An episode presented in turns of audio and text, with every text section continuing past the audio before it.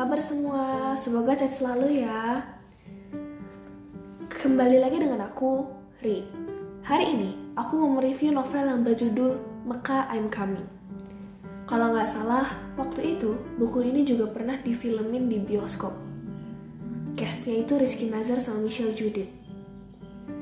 Edi adalah warga desa Timpik. Hari ini, ia akan menjemput Pak Haji Soleh, bapaknya Eni. Edi ingin melamar Eni, namun Pak Soleh memberinya banyak syarat.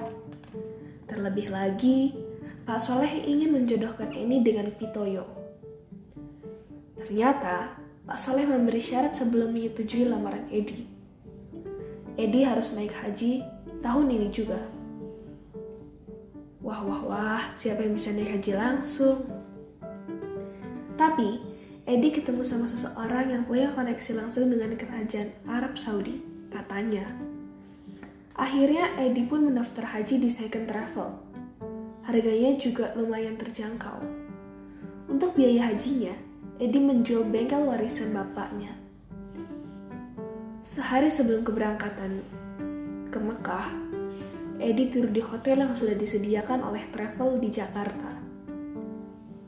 Ia sekamar dengan Fajrul, orang asal fak-fak. Namun, kejadian tak terduga menimpa mereka berdua.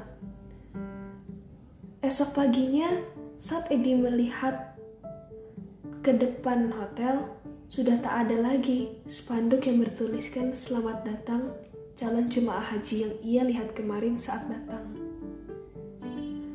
Saat Fajol dan Edi bertanya kepada pemilik hotel, katanya yang kemarin pakai seragam haji itu cuma figuran untuk syuting film.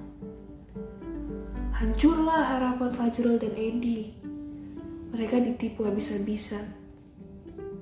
Ketika makan nasi uduk, ternyata penjual nasi uduk dan beberapa orang yang beli juga pernah ditipu oleh travel yang sama.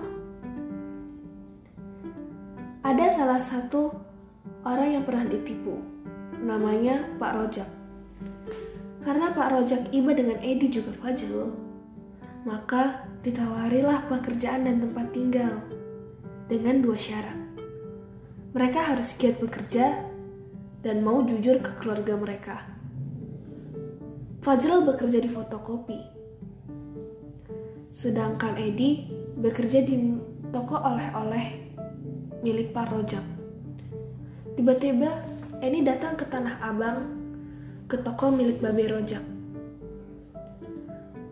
Edi pun melihat Edi yang, yang sedang ada di toko Pak Rojak. Karena Edi sudah mengetahuinya, Edi pun memutuskan untuk pulang dan minta maaf kepada seluruh warga desa Timpik. Sesampainya di desa Timpik, semua orang malah minta bukti jika Edi beneran ditipu. Beruntung, saat itu ia sedang video callan dengan Fajrul. Fajrul pun angkat bicara. Fajrul langsung memberikan foto yang ia dapat di komputer tempat ia bekerja. Di komputer itu ada foto Pak Soleh yang diedit agar terlihat di depan Ka'bah. Semua warga pun terkejut. Pak Soleh pun tak bisa berkutik lagi. Sudah ada bukti yang jelas. Nggak taunya Fajrul, Tuti, anaknya Babe Rojak, dan Pak Somad yang punya fotokopi datang ke desa Timpik. Pak Soleh masih berkelit saat Fajrul memberinya foto yang sudah Pak Soleh edit. Namun saat Pak Somad menyapanya, kedoknya pun sudah terbongkar. Apa yang terjadi dengan Eni? Akankah Eni dan Edi bersatu? Temukan jawabannya di buku I'm Coming ya guys. Menurutku ini buku lucu kocak sih. Dari skala 1 sampai 10 aku kasih nilai 7 lah. Soalnya kebanyakannya kocak doang. So sekian dari aku Ri. Jangan lupa baca buku ini untuk menemani hari-hari selama SFH kalian ya guys. Hope you enjoy. Thank you See you on my next podcast. Bye bye.